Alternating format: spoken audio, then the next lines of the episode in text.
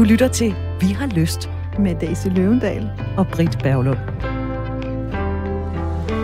Kære Britt og Daisy, jeg har brug for nogle råd til at blive bedre til at være i, at min kæreste ser porno og tilfredsstiller sig selv. Jeg ved, at det er helt naturligt, og jeg kan heller ikke sige mig fri for at tilfredsstille mig selv en gang imellem. Jeg har bare følelsen af, at min kæreste ofte hellere vil sig selv end mig, og jeg bliver ked af det og vred og mister lysten til at være sammen med ham. Vi har snakket om det, da han hurtigt mærker det på mig. Han siger, at det ikke betyder noget, men er et hurtigt kick, som er overstået på 2-3 minutter. Alligevel kan jeg få det dårligt og blive helt utilpas. Jeg ved, det er noget, jeg ikke kan ændre på. Og det er jo ret naturligt. Jeg forstår bare ikke, behovet er så stort og frygter, hvordan det vil være, når vi engang flytter sammen. Vi ses nu kun hver anden uge, da vi ikke bor sammen og har hver vores børn. Han er mere uden sine børn og har derfor rig mulighed for at skrive til mig, om jeg ikke kommer forbi en times tid. Men det gør han aldrig. I stedet for ser han porno og nøjes med mig i fem dage, eller hvad det nu kan blive til. Jeg har forsøgt at se porno og prøve bare at leve som ham, men det hjælper ikke rigtigt. Jeg går stadigvæk og tænker og tænker. Jeg tænker, det nogle gange bunder i mit til tider lave selvværd, og jeg kan få det dårligt over, at han ser på alle de unge, perfekte kvinder. Jeg elsker sex og siger stort set aldrig nej. Alligevel har han et stort behov for det andet, hvilket påvirker mig. Hvad kan jeg gøre for at få det bedre? Jeg håber, I har et godt råd. Sådan lyder et øh, brev, vi har fået, Daisy. Ja, og vi vil i hvert fald gøre det allerbedste, vi kan for at give dig et råd, som du forhåbentlig synes er godt. Og øh, jeg kan sige, at øh, det er ikke den første gang, jeg i de år, jeg har talt med mennesker, har hørt om netop den her problemstilling. Det kan være rigtig svært med porno og parforhold, og hvordan placerer man det hele? Og jeg har jo været inde og kigge i sexusrapporten, der kom for efterhånden et par år siden, fordi den handler også om porno. Man kan selv gå ind og tjekke det på side 253. Øh, der er en masse øh, svar fra de respondenter, sådan cirka 50.000, som man har talt med om det her. 92,9 procent af mænd har set porno, mens det blandt kvinder er 67,3 procent. Blandt mændene, der ser de fleste, altså 19 procent af mændene, de ser porno to til tre gange om ugen. For kvinders vedkommende er det kun 3 procent, der ser porno to til tre gange om ugen. Til gengæld så er der altså de fleste af kvinderne, der ser porno under én gang om måneden. Tre ud af ti mænd siger, at partneren ikke må vide, at de ser porno, og det samme gælder for under to ud af ti kvinder. Og faktisk så er det sådan, at øh, 20 procent af mændene og 5 procent af kvinderne ser mere porno, end de ønsker, fordi det er svært at lade være. Så det der med porno, det er altså noget, der øh, bestemt ikke er nyt. Bestemt ikke. Og man kan sige, at lige siden pornoen blev fri, så har det fyldt for os. Det er en del af vores liv. Det er noget, vi må forholde os til. Og vi har heldigvis inviteret en gæst, som ved rigtig meget om porno. Det har vi. Velkommen til Vi har lyst, Daisy Løvendal, Britt Berglund og altså vores gæst Søren Hein Rasmussen, et klogt hoved, historiker, foredragsholder og forfatter, står blandt andet bag bogen, der hedder Fri Porno. Og så har han i øvrigt også læst stort set alt om lyst og seksualitet, og Søren var faktisk med i vores allerførste udgave af Vi har lyst tilbage i september 2021. Velkommen tilbage, Søren Hein. Tak skal du have. Nå, vi skal tale om porno, og det er noget, du ved noget om. Ja. Jeg har det jo sådan, jeg har ikke, øh, jeg, jeg, porno det er ikke noget, jeg ser, og det er, er der mange forskellige årsager til. Mm-hmm. Øh, blandt andet, at jeg, som hun også skriver her, jeg har ikke brug for at se kvindekroppe, der ingen lunde ligner min. Altså det, som hun beskriver som den perfekte kvindekrop. Jeg ved godt, der findes porno, hvor at den perfekte kvindekrop ikke er repræsenteret, men alligevel. Og så synes jeg også, det er sådan lidt jammerligt. Der er sådan lidt uh, dilettant teater over det på en eller anden måde. At så kom VVS'eren lige tilfældigvis forbi, og upsi, så endte han op i en eller anden kvinde. Jeg har simpelthen ikke behov for det. Nej, jamen øh, vi kan jo godt lide det her program og dele lidt, så øh, jamen, jeg har det, altså, jeg har, jeg har faktisk for mange år siden tog et valg om ikke at se porno, øh, og øh, det er muligt, at jeg skal ligesom revidere min min, min opfattelse. Men, men jeg, jeg tror, at jeg på det tidspunkt, da jeg tog det her valg, forbandt det med sådan noget meget uetisk øh, og kvindeundertrykkende. Og jeg er helt med på, at der er sket rigtig mange ting. Jeg ved også i dag, at der er democratic porn, og der er feministisk porn, og der er mange subkulturer, der også har porno, og det synes jeg faktisk er super, super fedt. Men inden jeg så lyder for heldig, så kommer det jo også an på, hvordan man definerer porno. For jeg tror ikke, jeg kender ret mange, der har så stor en samling af erotisk litteratur og tegneserier, som jeg selv har. og hvordan definerer man så porno, Søren Hein? Det må du være manden, der kan svare på. Det synes jeg, der er rigtig, rigtig svært. Jeg plejer at sige, at det, det drejer sig om seks fremstillinger. Altså alt, hvad vi laver, af forskellige kunstneriske fremstillinger, der har med øh, sex at gøre, øh, det vil jeg sige, det er seks fremstillinger, og det er et andet ord for porno. Fordi ellers så kommer vi ud i alt sådan noget mærkeligt noget, at det vi godt kan lide, det, det er okay, men det vi ikke kan lide, det er nok porno. Og det synes jeg, altså det synes jeg har været rigtig svært, når jeg har læst om den her slags, at folk faktisk ikke har været enige i, hvad det var, de snakkede om. Se, det er jo interessant, ikke? At hvis man ikke kan lide det, så er det porno. Altså, det er lidt over på den der beskidte skuffe. Ja, så hvis man ikke kan lide den der 70'er film med pizzabud, så er det porno, men den der meget smukke tegning, det er skam erotisk kunst. ja, lige præcis. Altså, man opfandt jo det der øh, begreb erotisk kunst for at øh, splitte det ud, man selv godt kunne lide. Altså, jeg tror, det var ægteparet øh, Fylis og Eberhard. Øh, hvad fanden hed de? Fylis og Eberhard hvad fanden hed det? Det er også ligegyldigt. To øh, øh, psykiater fra USA, der gjorde meget ud af at øh, øh, definere øh, porno i 60'erne, og de fandt ud af, at det, de godt selv kunne lide, det var erotisk litteratur. og det synes jeg, det er, altså et eller andet sted, det er jo snyd, ikke? det er mega snyd. Øh, og så fandt man jo også på, at, øh, at det, som på et tidspunkt var porno, det var sådan set okay, da det først kom i kvindemagasin og senere hen, altså, men det er jo det samme, der sker. Altså, der er jo bare nogle graders forskel i, hvordan man, man, man viser det. Ja, og spørgsmålet er jo så også, og det ved jeg ikke, hvad, hvad, betyder det der gradsforskel noget? Tror du, der er en forskel på, om man ligesom ser tegninger eller film, eller altså gør det noget forskelligt ved os? Nej, altså, altså jeg tror, altså så at sige, så er vi jo forskellige og vil have noget forskelligt, øh, og bliver stimuleret af noget forskelligt. Øhm, jeg er ikke sikker på, at, at så at sige, den ene type øh, øh sexfremstillinger sådan i, i, i, af sin natur er mere øh, øh mere stimulerende eller øh, virker stærkere end anden, det er jeg altså ikke sikker på. Men, men altså, vi vender os jo også til at se bestemte typer af fremstillinger, og når vi har set noget rigtig mange gange, og vores omgivelser siger, at det er ikke så slemt, det er okay det her, jamen så vurderer vi det jo også anderledes, ikke? og så har vi så den, den, den hemmelige skuffe øh, inde på internettet, som ingen andre skal se, og det er så den rest, der er tilbage, som vi i øjeblikket har sagt, den er ikke fin nok. Det er jeg tror meget, det er et spørgsmål om, altså så at sige, hvad vi som samfund beslutter os for, er okay. Men det tror jeg, du har fuldstændig ret i. Og når du deler det, så kan man til tænke på, at mine oldeforældre havde et meget, meget smuk tegning af en nøgen kvinde, som, ja, der var et eller andet ved hendes positur, der virkede erotisk. Og det var gemt i en skuffe. Og da min oldefar så døde, så hængte min oldemor det op. For hun havde altid gerne ville have det hængende, og det ville han ikke. Øh, og jeg har selv ting hængende i min stue, blandt andet et halvnøgen fotografi af min veninde, som jeg bestemt ikke tror, min oldeforældre havde syntes var passende på en stuevæg. Jamen, det siger jo sådan set lidt om den der sag, ikke? Altså, de har ikke, din oldefar og oldemor har ikke haft helt den samme opfattelse af, hvor grænsen gik for, hvad der var anstændigt, så at sige. Altså, det er jo det, der er så mærkeligt, at så vinder jo så at sige den part, som er, er mest tilbageholdende. Altså dem, som ikke bryder sig om porno, de ser meget mere porno, end dem, som øh, bryder sig om porno. Altså, jeg ser jo ikke porno ude det daglige, men det er der mange, der gør. Altså, forstå mig på den måde, at de ser noget i nogle billeder, som jeg ikke ser. Eller litteratur, ikke? Nu er du jo historiker, du øh, er også forfatter, øh, blandt andet øh, bogen Fri Porno kommer fra dine hænder. Kan du sige noget om, hvornår man egentlig begyndte sådan at definere porno? Altså, hvornår opdagede man, og så sagde man, det der, det er porno? Ja, altså, altså øh, porno bliver jo først for alvor kaldt porno fra slutningen af 1800-tallet, og i Danmark faktisk først helt op i øh, 1930'erne.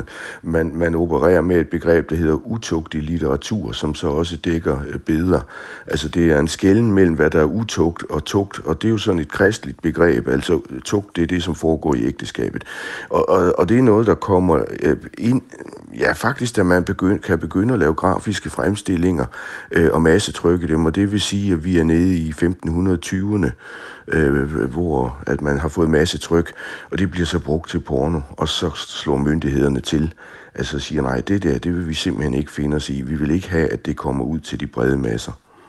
Så man har faktisk i rigtig mange år godt kun lide at se andre mennesker dels uh, tage tøjet af, og så også uh, have sex sammen. Ok, og, og de ældste fremstillinger, der findes, de har den slags øh, øh, øh motiver i blandt sig, altså de gamle hulemalerier. Og det kender vi i alle kulturer, til alle tider. Der er altså en kærlighed for at se mennesker dyrke sex, enten med hinanden, eller alene, eller med dyr. Eller og der er på tilsvarende, jamen det er, det, er- det, det er altså især sex med heste, det er sådan en oldtidsspecialitet til synligheden, det er man helt vild med at se på. Og, og, og så er der jo samtidig altså et marked for øh, øh, den frække kusine sexlegetøjet, som jo er lige så gammel. Den ældste artefakt, vi kender her fra Europa, det er faktisk en dildo. Den er 28.000 år gammel, det er da pænt. Wow. sige, wow. Hold da op, det er godt nok imponerende. Men så synes jeg egentlig, at det næste spørgsmål, det er ret oplagt, nemlig at tale om, hvorfor vi så øh, gennem så mange år, rent faktisk og i dag også, kan lide at se andre øh, mennesker dyrke sex.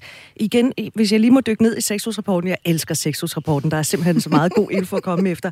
Den siger ud, at 9 ud af 10, og det gælder altså både mænd og kvinder, de ser porno for at blive seksuelt ophidset, og på nummer to over listen over grunden, det er, at de er seksuelt nysgerrige. Men, men det her med, hvorfor ser vi egentlig porno? Øh, Daisy, du taler jo også med mennesker. Ja, absolut. Øh, og nogle af dem ser også porno. Ej. altså i virkeligheden tror jeg, ud, også for det, ud fra det, du siger, Søren, som jeg synes er rigtig vigtigt, så tror jeg, at de fleste af os ser porno i en eller anden grad. Spørgsmålet er så bare, om det er billeder, eller litteratur, eller film, eller hvad det end er. Altså det, det, det er behandlet det erotiske at være tiltrykket, det er en del af vores liv. Men noget af det, jeg oplever som grunden til det, det er, at porno kan også være et kig ind i en fantasi, ind i en anden verden, end den, man har derhjemme. Øh, Pornør kan også være et frikvarter for hverdagen. Det der hurtige kick, som øh, ham, der bliver talt om i det her brev, også beskriver. Og det er noget andet, end at have sex med et andet menneske. Altså, hvis man sådan skal stille det meget kassevis op, og det er ikke, fordi jeg synes det, men så vil jeg lægge det mere over i onani og masturbation. Det er ofte noget, man har for sig selv. Her ved ikke sagt, at man ikke også kan nyde porno sammen med andre. Og så er der rigtig mange, der taler om det der med, at pornoen det er ukompliceret. Og den er jo også, i hvert fald dele af den, designet til sådan en lidt mere hurtig udløsning. En lille oplevelse, man kan have med sig selv. Så den gør ligesom det, den er designet til.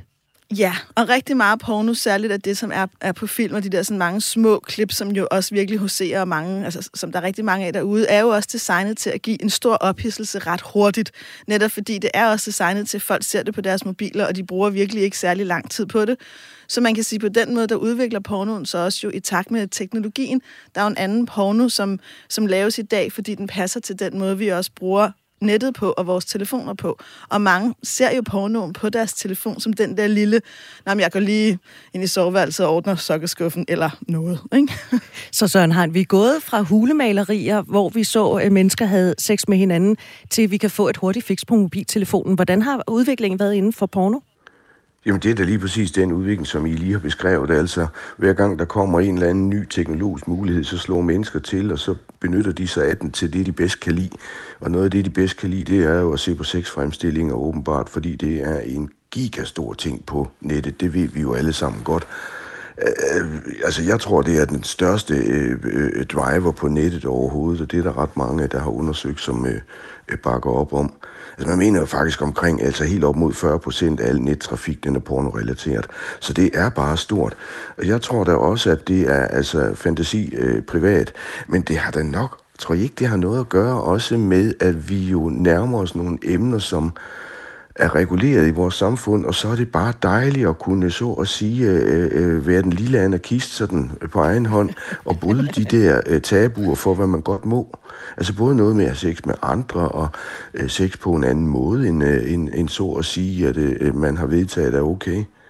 Jeg kunne da godt forestille mig, der ligger sådan et element af, ja, hvad skal vi kalde det, privat oprør? ja, men bestemt, det tror jeg da bestemt, der gør, og jeg tror da også, at der er sådan en eller anden... Øh altså bare for at give dig et eksempel fra sidste uges samtale, der talte jeg så med et, øh, et mandepar, hvor, hvor en af dem, han sådan beskrev, øh, at nogle gange, så ser han noget porno, som er meget langt fra den sex, de dyrker, og som han sagde det sådan lidt, jeg elsker dig, men nogle gange er jeg også bare så pissetræt af at være mand og være far, og ja, jeg har klaret alt det der.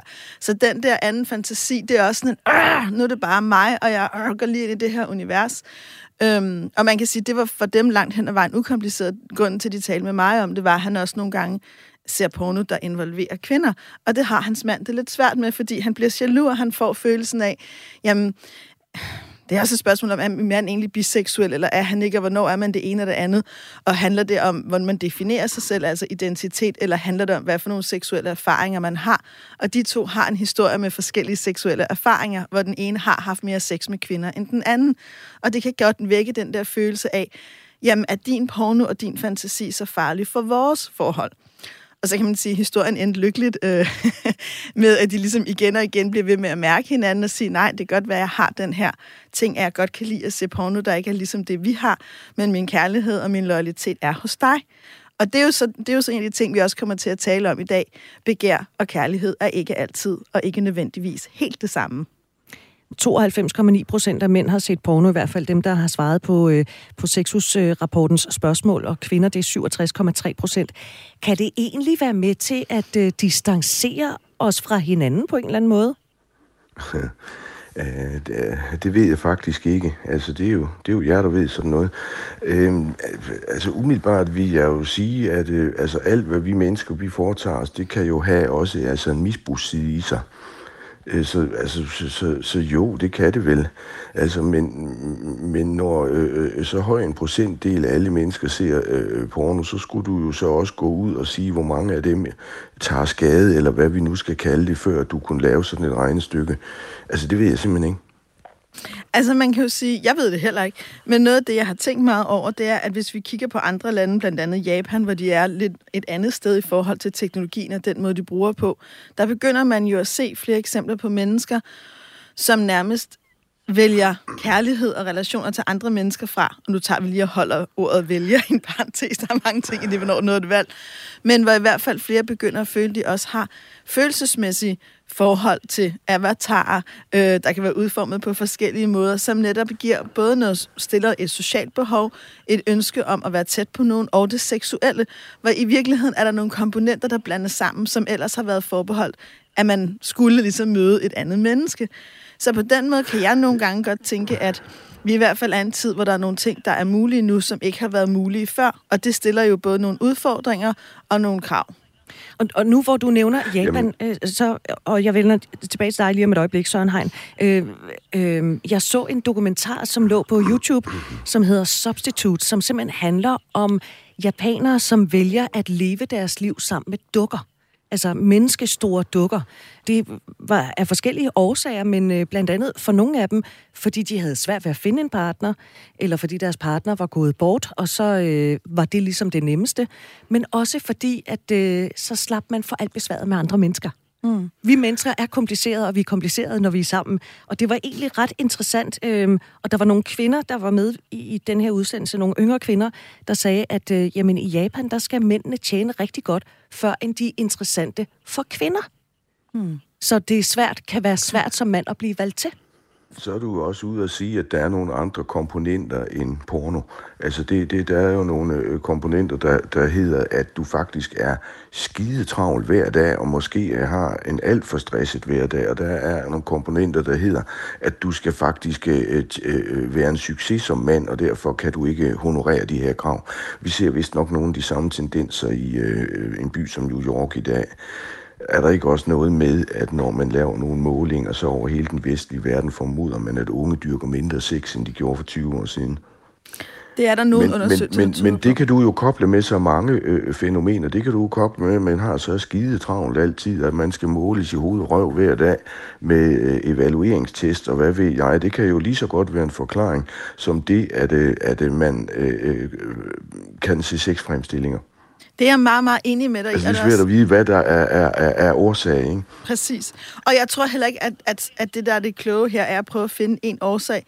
Men jeg tror, at det, som er klogt, det er, at vi i hvert fald som samfund har en overvejelse af, den vej, teknologien driver os, det pres, der lægges på mennesker, den totale optimering af vores tid. Hvad betyder det? Og så er det jo os, der er nødt til at være med til også at præge, hvad vil vi rent faktisk kæmpe imod, og hvad vil vi gå med. Men der sidder ikke nogen derude og tænker de dybe etiske tanker for os. Nej, det gør der ikke.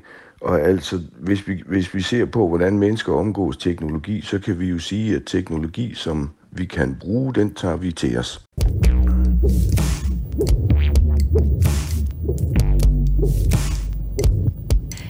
Du lytter til Vi har lyst på Radio 4. Vi taler om øh, porno. Det gør vi, fordi der er en kvinde, der har skrevet, min kæreste vil hellere porno end mig. Det er sådan essensen af det øh, længere brev, hun har skrevet til os, og tusind tak for det.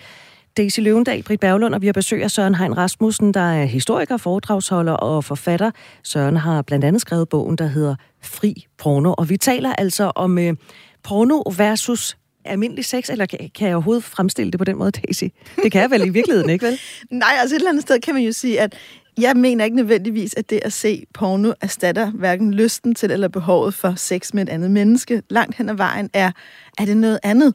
Blandt andet fordi det ikke har den samme intimitet, det har ikke den samme, der er ikke den samme relation i det. Det er jo netop noget af det, der er ved pornoen, det er, du behøver ikke at kende hele det her menneskes livshistorie og vide, hvordan de har det, eller det er en fantasi, det er en, en udløsning, det er en lyst, du går ind i, som ikke kræver, at du er til stede med hele dig. Og det er jo både det, der gør, at den kan være frisættende, og det er også det, der gør, at den nogle gange kan være tillokkende, og det er også det, der gør, at nogen synes, den kan være farlig. Fordi kan det så i virkeligheden gøre, at vi ikke, hvis ikke at seksualiteten driver os til at gå ind i de besværlige relationer, går vi så der ind. Øhm, men, men jeg vil sige, at porno er ikke det samme som at have sex med et andet menneske. Mm. Søren, hvad har det egentlig gjort for... Altså, øh, er det ikke noget med, at Danmark var jo de første, der sådan sagde, fri porno, hey, det kan vi godt lide her i vores land. Og, og så var det sådan helt legalt, og vi fik de her forskellige sexbutikker og alt muligt andet. Hvad har det egentlig gjort ved os som mennesker? Tror du, at pornoen sådan blev i gåsøjne sat fri?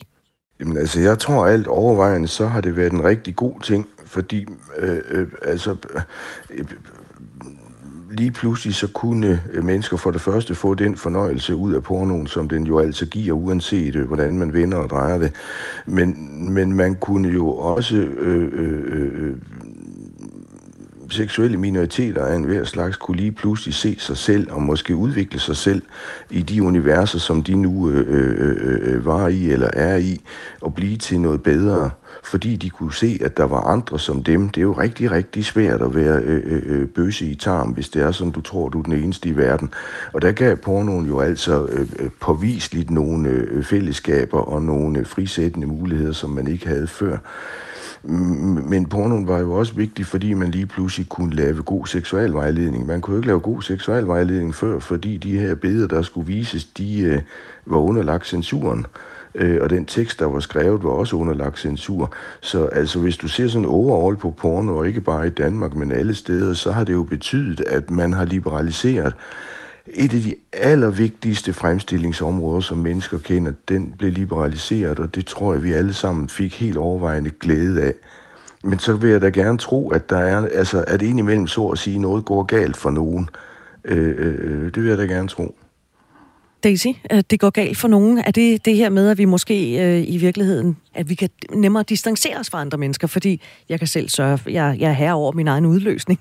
altså, jeg, jeg bestemmer selv, hvordan og hvorledes og hvornår og hvor tit. Jamen, det tror jeg da. Altså, jeg tror da, at man, nogle mennesker kommer til at fortabe sig i det, ikke? fordi at, jamen... Øh, det er jo skide svært at være i relation.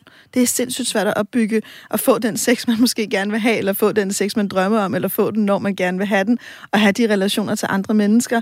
Så det kræver jo noget mod, og det kræver noget vilje, og det kræver noget åbenhed og noget kærlighed at gå ind i relationerne til andre mennesker. Men jeg tror egentlig, det her er et eviggyldigt dilemma. Jeg tror ikke, at det er pornoen, der har givet os det. Jeg tror, vi altid har haft det.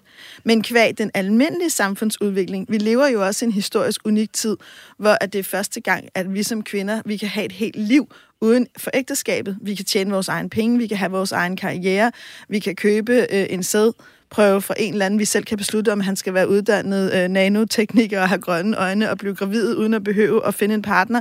Der er ikke den samme skam over at være aleneforældre. Vi arbejder på at give mænd nogle af de samme rettigheder og muligheder. Men det betyder jo også, at vi, og det er historisk unikt, har frigjort os fra nødvendigheden af at leve i et parforhold. Og det kommer med en masse frihed, som jeg hylder, og det kommer med en masse ansvar og faldgrupper, som vi også er nødt til at kigge på. Må jeg tilføje noget der? Værsgo. Fordi kvinder har jo også fået en seksualitet, fordi de selv kan styre, hvornår de øh, så at sige vil reproducere sig, og hvornår de ikke vil. Det er jo også en, øh, en øh, unik ting, som jo ikke er ret mange generationer gammel. Den, altså, det sker jo først for alvor i midten af 60'erne, at man får effektiv prævention, som kvinder styrer. Og det vil jo også sige, at forhold mellem mænd og kvinder bliver anderledes. Altså hvis vi øh øh, øh, øh, øh, rammer de ældre generationer, ja, så havde kvinder jo sådan set ikke ret til at have en seksualitet, og den skulle i hvert fald ikke tales om. Og det vil sige, at altså, forholdet mellem mænd og kvinder er jo også radikalt anderledes i dag, end de var for vores, ja, i hvert fald vores oldeforældre, men måske også vores bedste forældre, ikke? Absolut. Så man kan det er sige... også skide irriterende, altså. Hvis jeg nu gerne vil gå på bordel, når jeg har, har lyst til det, og så kommer jeg hjem, og så vil jeg i seng med min kone, og så kommer hun og siger, at jeg vil noget andet, end, end, end du vil. Det, det, det der træls, sådan var det jo ikke i de gode gamle dage. altså, altså, vi er jo i en situation, hvor der pludselig i et forhold er to parter, som har krav og kan stille krav også til, hvordan tilfredsstillelsen foregår. Øh, det er jo en fantastisk god ting, men selvfølgelig giver den der problemer i forhold til øh, situation, hvor den ene part så at sige kunne definere, hvad der var rigtigt og hvad der skulle gøres. Ikke? Det kan man da ikke undervurdere. Nej, overhovedet ikke. Så man kan sige, vi lever jo i en tid, hvor der er, vi er frie til at vælge hinanden fra, så vi skal jo netop også til at vælge hinanden til. Og et eller andet sted, så kan jeg ikke lade være med at tænke, mens du lige har talt, at det er jo rigtigt nok, nu starter jeg med at sige, at jeg har valgt porno fra, men hvis du kiggede i mine bøger, jeg har rigtig, rigtig mange tegninger af, hvordan man giver en kvinde nydelse. Der er jo masser af tantra-litteratur, der er meget, der er meget fint illustreret, hvor jeg tror, at meget af den litteratur, der findes nu, det er jo rigtigt, den fandtes. Der er ikke specielt meget af, der, det er dig, der er historiker, du ved mere, end jeg gør, men det er jo også en ny ting netop, at der bliver brugt så meget energi på faktisk kvinders nydelse. Og det er jo dejligt, men det er klart, det gør jo også, at kvinder kan vælge mændene fra, og vi kan vælge den sex fra, vi ikke synes er god. Og det er jo virkelig fantastisk, men det er klart, der er også nogle i det valg, der kommer til at stå udenfor, og vil ønske, det var som i de gode gamle dage. Det gør det i hvert fald nemmere, og gør det ikke af så at sige ind imellem og træde ind i sit frirum og passe sig selv og øh, få den hurtige sex, man har brug for. Absolut. Altså med porno. Og det er jo også derfor, apropos det her par, som der skriver her, at vi er jo nødt til, i virkeligheden når jeg læser det her brev med kæresten, der heller vil porno, så tænker jeg, måske handler det ikke så meget om porno, måske handler det også om parforhold. Vil de her to mennesker overhovedet det samme? Har de samme værdier? Har de samme forståelse af, hvad et godt fælles liv er? Og det korte svar er, nej, ikke umiddelbart det er jo også det, jeg synes, der er mange sådan øh, lamper, der lyser rundt omkring i, i det brev, hun har skrevet her. Der er en ting, som jeg godt lige kunne tænke mig, øh, og vi vender tilbage til brevet lige om et øjeblik, men øh, nogle tal, øh, Søren Hein, som jeg egentlig synes var lidt øh, skræmmende, da jeg læste i sexhusrapporten, det er, at øh, altså, øh, hver femte mand ser mere porno, end han egentlig ønsker. Altså, det er svært at lade være. Det, lade være. det er 20 procent af mænd og 5 procent af kvinderne, der ser mere porno, end de ønsker. Hvad er det, der er så dragende ved det der porno, så det kan være svært at lade være? Det er da bare dejligt at se på sex. Altså, så det, det er da det nemme svar. Der er vist for øvrigt noget med, at øh, skal man sådan tale om et eller andet naturgrundlag, så er primathanner en lille smule mere tilbøjelige til at vægte det visuelle, end øh, primat hunder er. Øh, og det mener man øh, så også åbenbart skulle kunne gøre sig gældende ved, ved, ved, ved mennesker. Det kan jo også måske forklare noget af forskellen i at se på porno. Men, men, men, men det er da bare fedt at se på, og det der med, om man så ser mere, end, øh, end man... Øh, selv synes, man burde, det er måske også en samfundsmæssig ting. Du har fået at vide, at det er sgu ikke særlig fedt at se på det her, så bliver du flov over det. Hvem, hvem siger, at du ser for meget porno, bare fordi, at, øh, at, at øh, der er nogen derude, der siger, at, at, at så meget porno skal du ikke se? Altså, jeg tror, det er en samfundsmæssig ting. Jeg tror, det er sådan en social ting. Vi synes, vi er nødt til at sige sådan, fordi vi skammer os faktisk lidt over det, vi gør. Mm. Hvis vi, vi holder op med at skamme os, så var der heller ikke noget med, at vi sagde, at vi så mere porno, end vi havde lyst til. Jamen, det synes jeg, det synes jeg er rigtig Jeg ved godt, jeg er firkantet, men jeg tror simpelthen på, at, at, at når mænd udtaler sig sådan, eller mennesker udtaler sig sådan, så er det af frygt for, at uh, de skal opfatte sig selv som perverse eller et eller andet. Men... Altså trædende uden for en norm, som måske ligger et sted. Men det, det kan jeg sagtens genkende. Det synes jeg er en sindssygt god, det synes jeg er en sindssygt god refleksion. Og jeg tror det også er noget, det handler om, at der er mange kvinder derude, som fortæller, at de føler, og igen mange mennesker, at deres partner ser for meget porno. Så bliver det jo også en skam, og så bliver det jo også, ja, jeg ser for meget porno. Hvorfor? Fordi det ikke passer i den relation, vi har. Og så tror jeg, det hænger, ja, og så hænger det måske også sammen med, at den for meget porno, de ser, det er den, som øh, øh, øh, øh mænd ser. Altså, jeg undrer mig jo over de tal, som fremgår af, af sexus, fordi vi har haft noget, et, et, et fænomen som 50 Shades of Grey, der var gigastort, både mm. Øh, som uh, biograffilm og som bøger. Og det er for mig at se der også porno, men det tror jeg øh, ikke nødvendigvis alle mennesker tænker ind i den her ligning, når de siger, har jeg set porno eller ej. Hvis du tæller alle de der seks fremstillinger, som du egentlig sidder og hygger dig med og synes er enormt pigerne, så er det min øh, øh, formodning, men jeg har jo ikke noget at have den i, altså jeg har ingen undersøgelser at have den i, men så er det min formodning, at så vil der være flere kvinder med. Også fordi, at øh, når jeg ser på forsiderne af de forskellige kvindemagasiner, så er det jo næsten en konstant, at der er en eller anden henvisning til en artikel inde i bladet, der fortæller noget om, hvordan du får en bedre orgasme, og hvad ved jeg. Og det vil jo i hvert fald for to generationer siden, eller en generation siden, hvad, hvad kaldt porno. Men det er jo forklædt som noget andet nu, og så kan man sidde og læse det, og det er sgu fint nok, altså. Det har jo et praktisk formål, altså vi så at sige gør det til sådan et stykke utilitarisme, ikke? Altså, jamen, jeg læser det kun fordi, at, at, at, at jeg kan udnytte det til noget bedre. altså, altså, altså, jeg tror simpelthen på, at, at, at dem, der siger, at ah, jeg ser også for mig at det her, det er fordi, de er blevet fyldt med sådan en skamfølelse over, at lige præcis det, de ser, er forkert. Mm. Så, så man kan sige, men, i gamle men jeg er dage... ude på dybt vand, ikke? Altså, det har jeg jo ikke undersøgt nøje. Nej, men du er en god svømmer. Det har sexus heller ikke. ja, det, var... det har sexus heller ikke. Sexus forudsætter, at, at alle taler om det samme, når man for eksempel siger porno, men det gør alle, ikke? Nej, men det har du fuldstændig ret i. Og man, det har du fuldstændig ret i. Og så kan man sige, at nogle af de der artikler i Damebladet, hvor nogle af dem måske godt kunne have skrevet af mig, der kan, der, der, altså, det er muligt, når jeg har skrevet for alt for damer Jamen, de, nogle af dem kunne være skrevet af dig, ikke? Men hvad jo. tror du, de udnyttes til? Altså, Jamen, vi kan da udnytte... Vi, vi er sindssygt gode til at, at sætte vores fantasi i gang og udnytte den til rigtig meget. Men jeg håber så, da, altså, at de bruges til det. Med. Det er derfor, jeg skriver dem. Jeg håber jo netop, at de bruges til, at ja. man faktisk stiller ind på sit eget sexliv og tager ansvar for ens egen lyst. Det, jeg ville våge at påstå en stor forskel, det var, at du får ikke en udløsning på tre minutter, eller i hvert fald ikke bliver guidet i den retning, så skal du i hvert fald have en rigtig god fantasi. Nej, men Daisy, det du må forstå, som Søren allerede har været inde på, det er, at det du så skriver, det er det, man i gamle dage ville kalde utugtig litteratur. Det er rigtigt, jeg indrømmer guilty as charged. og så tror jeg, vi skal konstatere, Søren Heim, fordi nu bringer du den selv op, 50 Shades of Grey, det er der sikkert nogen, der ser som Jamen, det er jo erotisk kunst. Præcis. Altså, fordi det, det er legitimt. Det er sgu da porno, altså. Det er lige meget porno som alt muligt andet, altså. Altså, jeg vil i hvert fald sige, at jeg har læst alle albumsene, at det havde ikke vundet Nordisk Råds litteraturpris for måden, det er formidlet på. Modtaget. Nej, altså helt ærligt, jeg bladrede i den og tænkte, den er simpelthen så dårlig, men jeg er jo heller ikke kvinde og forstår måske heller ikke derfor, hvad det egentlig er, den går ud på. Men, men som et stykke litteratur er den altså ikke i den øverste klasse. Lad os sige det sådan. Men den har da gjort, øh, øh altså, øh, øh, betydet sit, det kan vi jo se altså på, på, på, på udbredelsen. Og det må vi jo tage til efterretning altså. Og, og hvad galt er der egentlig i, at man har sin fantasi øh, øh, ind i den verden altså? Det er bare sjovt, at den kan så undslippe det her mønster, så kan den blive kaldt noget andet end porno, ikke? Det er i hvert fald interessant, det her med, øh, med porno, og definere, hvad der er porno, og hvad der ikke er porno. Men Daisy, det er jo også sådan, at der er jo rent faktisk nogen, der ser porno, før de har deres seksuelle debut. Vi vender tilbage til brevet lige om lidt øh, til dig, der har, har skrevet det, skal vi selvfølgelig nok. Men det synes jeg faktisk er lidt interessant og ret skræmmende. Fordi hvad siger det for vores sexlæring, hvis man kan bruge det ord, Daisy? Det, ja, det synes jeg. Jeg synes faktisk, det der med sexlæring er et rigtig godt ord, og jeg, og jeg håber, det er en af de ting, man vil begynde at gå mere op i, og jeg håber også, der bliver lavet mere porno derude, og jeg skal have opdateret min viden på porno, som i virkeligheden har sexlæring som et formål. Men, men, men der har ligesom i vores tid været to skoler, som nogen har talt meget imod porno, og nogen har talt meget for, og argumentet for dem, der siger, at porno er ikke et problem, det handler meget om også at sige, at vi kan godt skelne mellem, hvad der er fantasi og hvad der er virkelighed. Og en af de mere kritiske røster siger, at jamen, kan man egentlig det, hvis man har set porno i flere år, før man har haft sin seksuelle debut?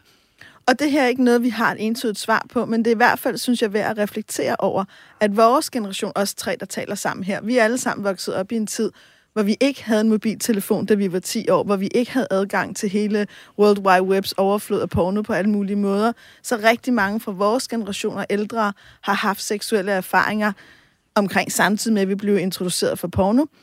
Men og nogen faktisk er også, har, har ikke haft den samme tilgang til porno. Men i dag, der giver vi vores 10-11-årige yngre børn en mobiltelefon i hånden, hvor der er fri adgang. Og man har lavet nogle undersøgelser i Nordisk Ministerråd, der viser, at børn og unge ser porno fra 12-årsalderen. Og samtidig ved vi, at den seksuelle debut i Danmark er omkring 16. Det vil sige, at det er ret mange år, hvor man måske forbruger meget porno, inden man har sex. Og jeg ved ikke præcis, hvad det betyder, men det betyder noget. Og det er noget af det, som jeg håber, vi kommer til både at tale og tænke mere om, for jeg synes faktisk, det er vigtigt. Også når vi som forældre giver vores børn mobiltelefonerne i hånden, så synes jeg også, der er et ansvar i at tage fat i den her samtale. Søren, hvad siger du til øh, en undersøgelse, der viser, at børn og unge ser porno fra 12-årsalderen? Jeg synes da ikke, det er overraskende. Altså, mennesker fødes jo som seksuelle væsener. Hvorfor skulle børn ikke være interesserede? Altså, Øh, og hvis de ikke er interesserede, ja, så fungerer børneliv jo på den måde, at de ældre introducerer for de yngre, så det undrer mig ikke. Men, men jeg giver dig Daisy ret, der er der nogle problemer, som man øh, måske burde øh, øh undersøge nøjere. Altså, hvad betyder det her egentlig? Jeg vil så også sige, altså, altså, vi har jo tit sådan en lidt romantisk forestilling om, at i de gode gamle dage, der var børn ikke eksponeret for et eller andet. Men altså, det passer jo ikke. Øh, øh børn har jo været eksponeret for sex på rigtig mange måder igennem øh, øh, øh, tiden, øh, og ofte real life sex, så at sige. Så der er jo ikke fordi i sig selv, at der er noget nyt under solen i, at børn, før de selv er seksuelt aktive, øh, bliver øh, stifter bekendtskab med seksuelle handlinger. Nej, det der det, det er jeg helt enig med dig. Jeg kommer selv fra en arbejderklassefamilie, hvor min bedstefar beskrev, at der var der ting, han vidste udmærket, fordi de boede i en toværelseslejlighed, og han havde fem søskende. Altså, øh, han, jamen, han har også set hans søskende blive født. Der var ligesom ikke et andet sted at tage hen. Han var polak og gæstearbejder i Danmark. Øhm, men, men min pointe med det er også at sige, jeg tror også, der er en forskel, og jeg ved ikke, hvad den er, på, at man stifter bekendtskab med seksualitet i, at man ser mennesker have sex, eller hører det, eller det er en del af ens livsverden. Der var nogle lyde med mine forældre, min mor er gravid, hun føder, man, man, man er til stede. Frem for at man hele tiden ser det gennem en skærm, og, at man, og det, man ser på den skærm, er noget andet end almindelige mennesker. Altså, det tror jeg helt sikkert, at du har ret i. Jeg tror bare, vi skal passe på, at vi, øh, vi ikke idealiserer de gode gamle dage, før den her slags øh, øh var tilgængelig. Hvis du læser, lad os sige, Tove Ditlevsens erindringer, jamen så øh, øh ser du jo, hvordan selv øh, øh små piger bliver seksuelt brugt. Altså, og det kender vi jo igen med øh, tiden. Der er jo samfund, der simpelthen har været øh, baseret på, at man øh, øh, øh lånte sine småpiger ud, når der var øh, gæster på besøg, fordi det var en del af gæstevenskabet. Altså, mennesker har levet helt vildt meget forskelligt, men hele tiden sådan, at børn var eksponeret for sex.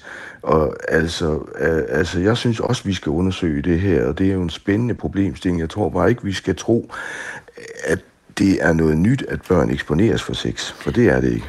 Det er ja, sådan set bare det, der er min pointe. Præcis, det er vi også fuldstændig det er vi også fuldstændig enige om, og vi heldigvis skal vi jo også sige, at den her samtale er noget af det, der har været meget fokus på, som jeg synes er rigtig vigtigt. Det er børns seksuelle rettigheder, og i virkeligheden beskyttelsen af børn.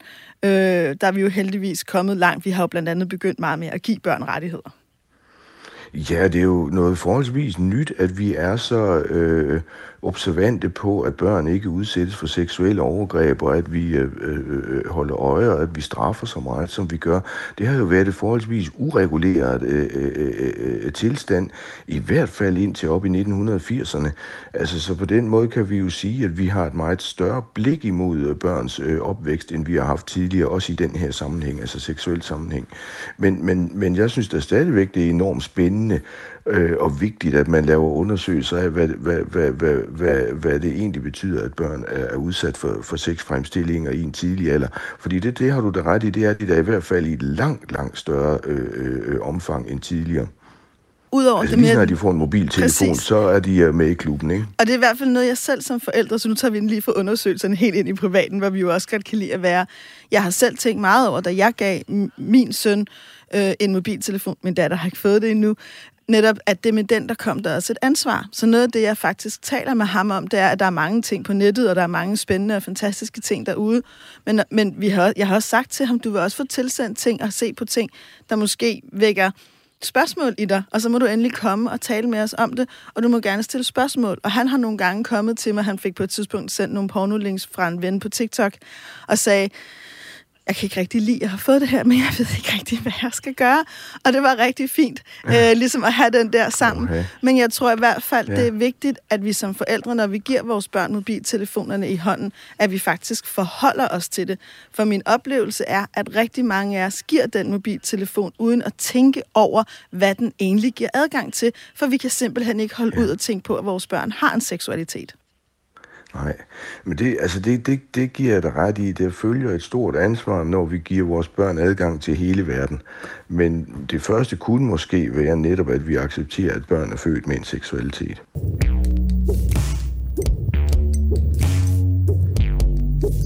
Det her, det er Vi har lyst, Daisy Løvendal. Jeg hedder, øh, øh, står over for mig, jeg hedder Britt Berglund, og så er vi jo altså besøger Søren Hein Rasmussen, der er et klogt hoved. Søren er nemlig historiker, foredragsholder og forfatter, står blandt andet bag bogen Fri Porno. Og grunden til, at vi har inviteret Søren til at medvirke i det her program, det er fordi, vi har fået et, øh, et lidt længere brev fra en kvinde, og tak for det, hvor essensen i virkeligheden er, at min kæreste vil hellere porno end mig. Det er sådan virkelig kogt ind på den der bouillonterning. Noget af det, som hun skriver, det er, at jeg har følelsen af, at min kæreste ofte hellere vil sig selv, og jeg bliver ked af det og vred og mister lysten til at være sammen med ham, Daisy.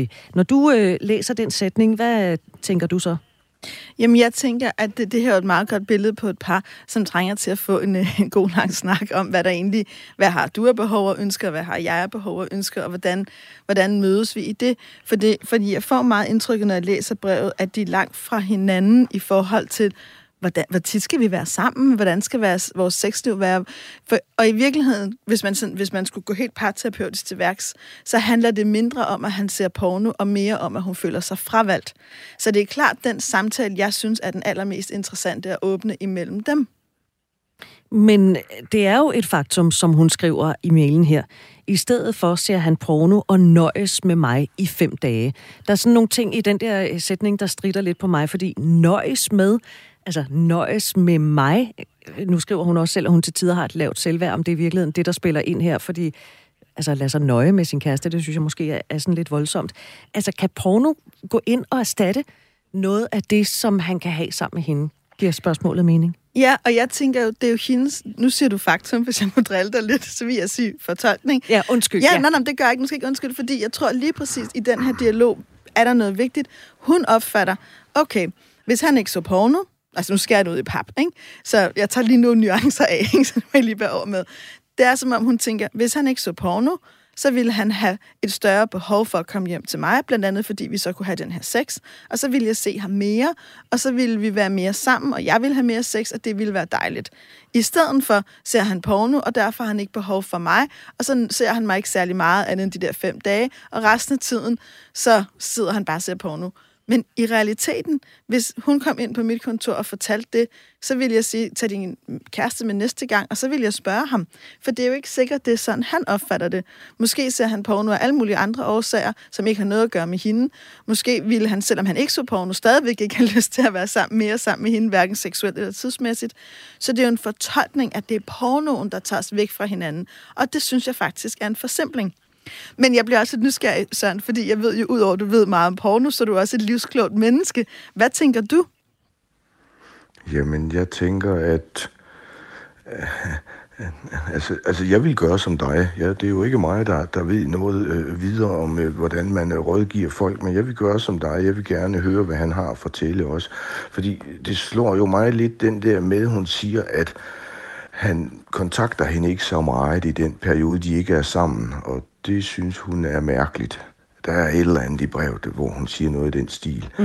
Mm. Øh, øh, det kan jo være, at vi også har med nogen at gøre, hvor den ene har et større behov for et tæt, øh, øh regelmæssigt samvær, og den anden har et mindre behov, for det kender jeg da i hvert fald fra andre Øh, øh, sider af, sam, af livet, af mit liv, at der er nogen, de har bare ikke nær så meget lyst til at være sammen med mig hele tiden, altså, altså socialt set, som jeg har med dem.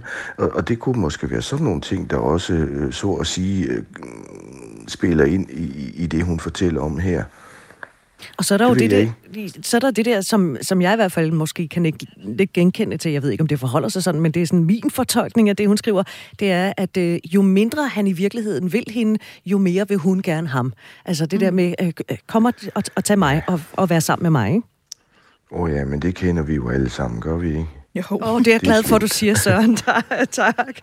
Men så skriver hun til gengæld også, jeg elsker sex, og jeg siger stort set aldrig nej. Alligevel så har han et stort behov for det andet, hvilket påvirker mig. Og det andet, det er jo så her porno. Og der tænker jeg jo umiddelbart, ja, øh, jeg elsker sex, jeg siger stort set aldrig nej. Men hvad ville der ske, hvis du sagde nej? Ja. ja. Jamen, det er jo et spændende, det er jo et spændende mm. eksperiment. Altså, man kan sige, jeg ville jo håbe, at han så kom med ridende som den store, altså, du ved, elsker, og sagde, kom nu, baby, ikke? Altså, som jeg egentlig tror, hun længes efter. Jeg kunne være bange for, at hvis hun aldrig sagde nej, så ville han, eller, og, og hvis hun så begyndte at sige nej, at han bare ville sige fint nok, og tog mobiltelefonen frem og tog langt bad. Jeg ved, altså, så man kan sige, problemet er med at prøve de ting af ind i ens eget hoved, hvor man ikke inddrager partneren, der er vi nogle gange for vores værste anelser rent faktisk bekræftet. Og jeg kunne godt med det her par tænke, at der er for lidt, nu lyder det sådan lidt hippieagtigt, men for lidt energi fra hans side, i hvert fald i forhold til hende. Så jeg vil klart også, jeg bliver også nysgerrig, når jeg læser det her brev på dig, kære kvinde. Er du egentlig et forhold, der er godt for dig? Er du i et forhold, hvor du føler dig set og elsket og begæret, sådan som du har lyst til det, sådan som det er vigtigt for dig? For det, jeg jo også læser, når jeg hører det her brev, det er, I er ikke samboende, I har ikke fælles børn, han er din kæreste, så apropos det med friheden før, du behøver jo måske ikke at vælge en mand, der ikke giver dig det, du egentlig længes efter. For hvis du længes efter en mand, der kommer snigende over til dig, eller sender frække sms'er, eller for den sags skyld sender dig pornolinke, så I kan se det sammen, hvilket også kan være super dejligt, så er det jo ikke det, du har. Det der med at se porno sammen, Søren, øh, er det dit indtryk, at det er noget, som mennesker gør? Ja, altså, der er der i hvert fald nogen, der gør, men jeg tror, jeg, jeg, altså, jeg tror det hører til sjældenhederne. Øh, øh, øh, øh, porno er en privat sag. En, en, en hemmelig sag, så at sige. Det er en del af charmen ved det hele også. Men der er der øh, øh, par, der ser porno sammen. Og hvad ville det give, Daisy, hvis det gjorde det? Jamen, det kunne jo give en mulighed for dels at have nogle fælles seksuelle oplevelser. Øh, det kunne give en mulighed for at have sex sammen, selvom man måske var hver for sig. Det der med, at vi ligger adskilt af tid og rum, men og ser det samme og nyder os selv med det. Øh, det kan også godt give et indblik i hinandens lidt mere hemmelige private rum og fantasier. Det kræver selvfølgelig, at man er med på, at det her er en fantasi, så hvis du læser op af din kæreste fra 50 Shades of Grey, hvor manden er mere end lidt dominerende, så er det måske også meget godt at fortælle, inden det ikke fordi du lige nu skal løbe ud og gøre alt det her. Det er mere en fantasi, jeg har.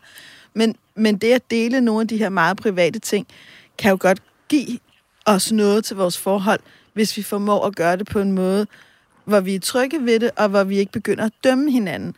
Og jeg vil sige, der hvor det her par er, tror jeg ikke, at det vil være det rigtige for dem at begynde på, for jeg opfatter, at de forstår hinanden for lidt. Altså, det med at dele porno og seksuelle fantasier kræver faktisk, at vi har rigtig meget accept af hinanden, også forskelligheder. Fordi når man hører ens partners seksuelle fantasier, eller ser det porno, de måske ser, så der er rigtig mange, der også oplever sådan en, øh, hvis du kan lide det, kan du så lide mig, eller ikke? så man skal ligesom kunne håndtere den følelse, uden at det gå helt i... Uh, helt i jalousidrama, fordi så bliver det en nedbrydende oplevelse. Søren Hein, du sagde for lidt siden, at porno det er jo en privat sag, og det er det jo i den grad også, og specielt også, fordi vi jo også har fået at vide, at øh, når det er noget, vi godt kan lide, så er det erotisk kunst, når det er noget, vi ikke kan lide, så er det porno. Øhm, hvad, hvis nu man skal sige, hvad er det gode ved porno? Hvad er så det?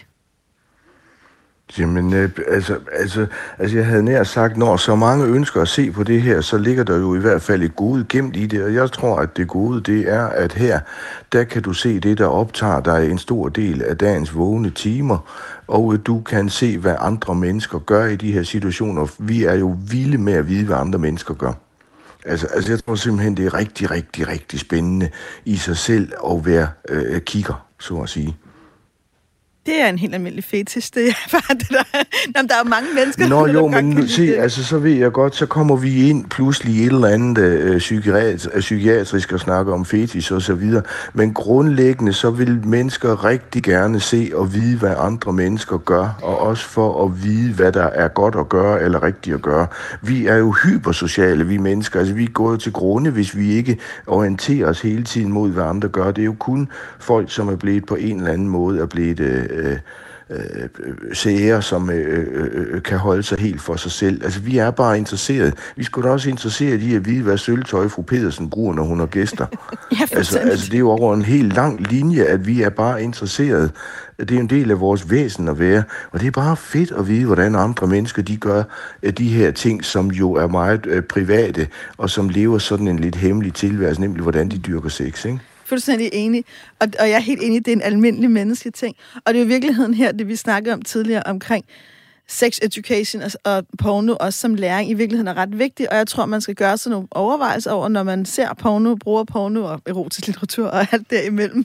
Øh, hvad er det egentlig, det lærer mig? Altså, hvad er det egentlig, hvad er det egentlig, det giver mig? Fordi jeg tror også, at det er godt at have sin bevidsthed lidt med i, hvad er det egentlig, man bliver inspireret af, og hvad er det, fordi jeg tror, at og når jeg understreger tror, så det igen, det er jo, man har forskellige holdninger, der er ikke noget af det her, der er eksakt videnskab, at vi jo netop påvirkes af det, vi tager ind. Så jeg synes lige så vel som det er ved at overveje, jamen falder jeg i søvn, mens jeg kigger op på månen, eller falder jeg i søvn, mens jeg kigger på min skærm, så er det også vigtigt at overveje det her livsområde. Hvad er det egentlig, jeg lader mig stimulere af? Ja, det tror jeg er rigtigt. Altså, altså, altså, vi har fået en kæmpe, kæmpe verden herude, som vi er nødt til at lære at forholde os øh, meget mere vågen til, end vi har gjort. Det, det tror jeg, du har ret i. Mm. Og så er der sådan en sidste ting, som jeg ikke kan lade være med at tænke på, også når jeg læser det her brev, og når jeg tænker over de her samtaler, jeg har haft. Nogle mennesker kan godt komme til at tale om sex og, lyst, sex og lyst som en lidt begrænset ressource. Ligesom om, du ved, at man har det ved ikke, 10 godbidder, hvis man så bruger tre på pornoen, så er der kun syv tilbage. Eller, ikke?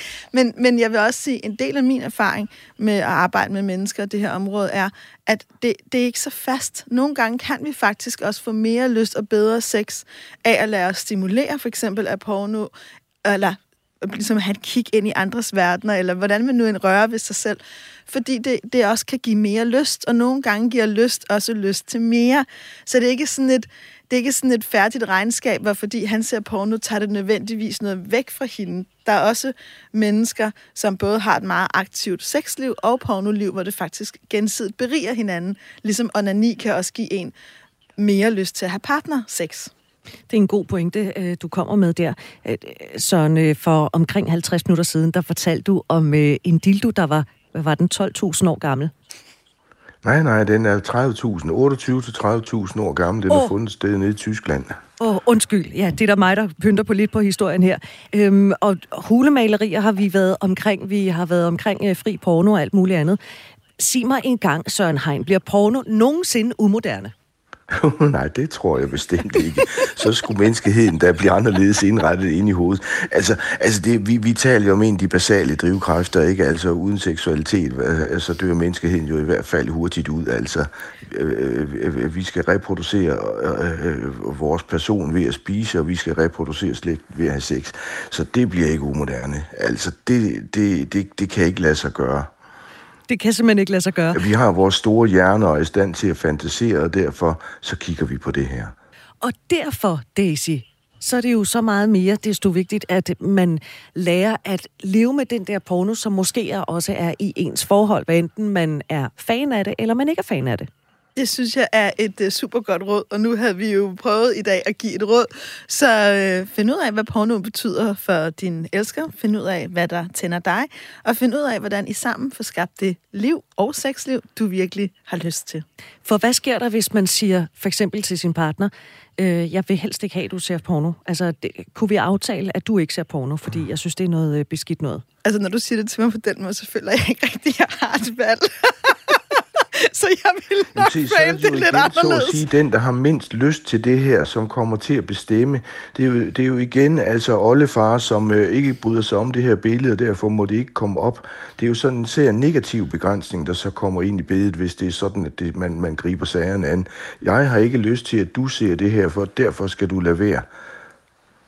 Ja, og i sin essens, der er problematikken ved det, at så mister vi jo nogle gange noget af vores autonomi, og når jeg ikke kan mærke min autonomi, så kan jeg ikke mærke mig selv, og så har jeg også rigtig svært med at blive tændt. Altså ja, altså øh, øh, grundlæggende ja, altså det giver jeg dig ret i. Jeg tror, det er et helt vildt farligt spor, det her. Det er jo noget andet, hvis jeg siger, jeg kan ikke lide, at du går ud og slår folk ihjel om natten, fordi det er ligesom om, det er forkert for mig. Det er vi jo enige om alle sammen, at sådan et samfund kan man ikke have. Men seksualitet har vi altså alle sammen, og lov for det. I hvert fald er samfundet seksuelt lavet til alle tider, og hvis vi tror, at vi kan skære fremstillinger af det her væk, så er vi godt nok naive, og vi er også begrænsende. Altså, altså, altså det er bare synd for folk, hvis de ikke kan få lov på den ene eller anden måde og forholde sig til seksuelle fremstillinger.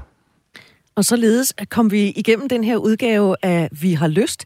I, i virkeligheden, Daisy, så essensen er at til den her kvinde, der har skrevet brevet, det er, kig på, om det i virkeligheden er det helt rigtige forhold, du er i. Mm. Øh, Altså, jeg, vil, jeg, jeg kunne godt ønske, at han elsker dig, gav dig lidt mere begær, og gav dig lidt mere en følelse af at have lyst til at snige sig over til dig, frem for at være derhjemme. Men i dybest set handler det jo om, hvad du ønsker.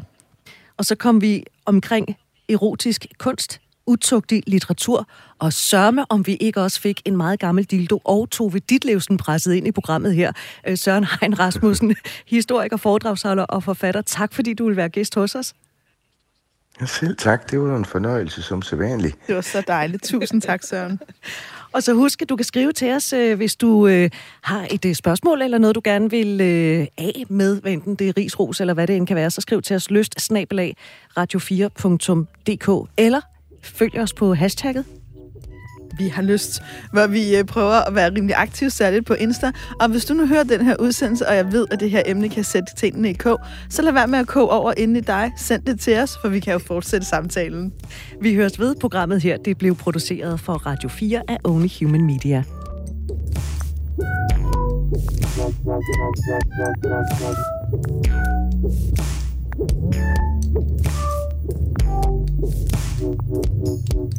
Thank you. Thank you.